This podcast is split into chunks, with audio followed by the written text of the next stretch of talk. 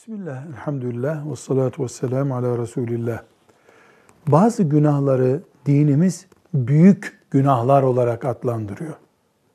Allah'a şirk koşmak, insan öldürmek, hırsızlık yapmak, anne anneye babaya asi olmak, kadına namus iftirasında bulunmak, faiz yemek, sihirle meşgul olmak bunlar büyük günahlardan.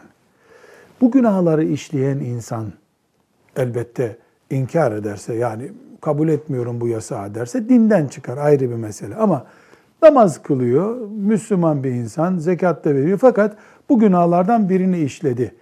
Bu Müslümanın kazandığı bütün sevaplar silinir mi?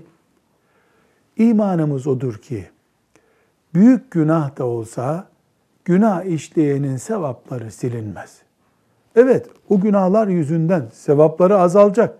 Çünkü sevaplarla günahlar tartılırken her işlenen günah sevap hanesini azaltıyor. Günahları bastırıyor. Sevap yukarıda kalıyor bu sefer. Yani az oluyor sevap. Ama Allah'ın izniyle imanımız odur ki büyük de olsa günah işleyenin sevapları kökten gitmiyor. Velhamdülillahi Rabbil Alemin.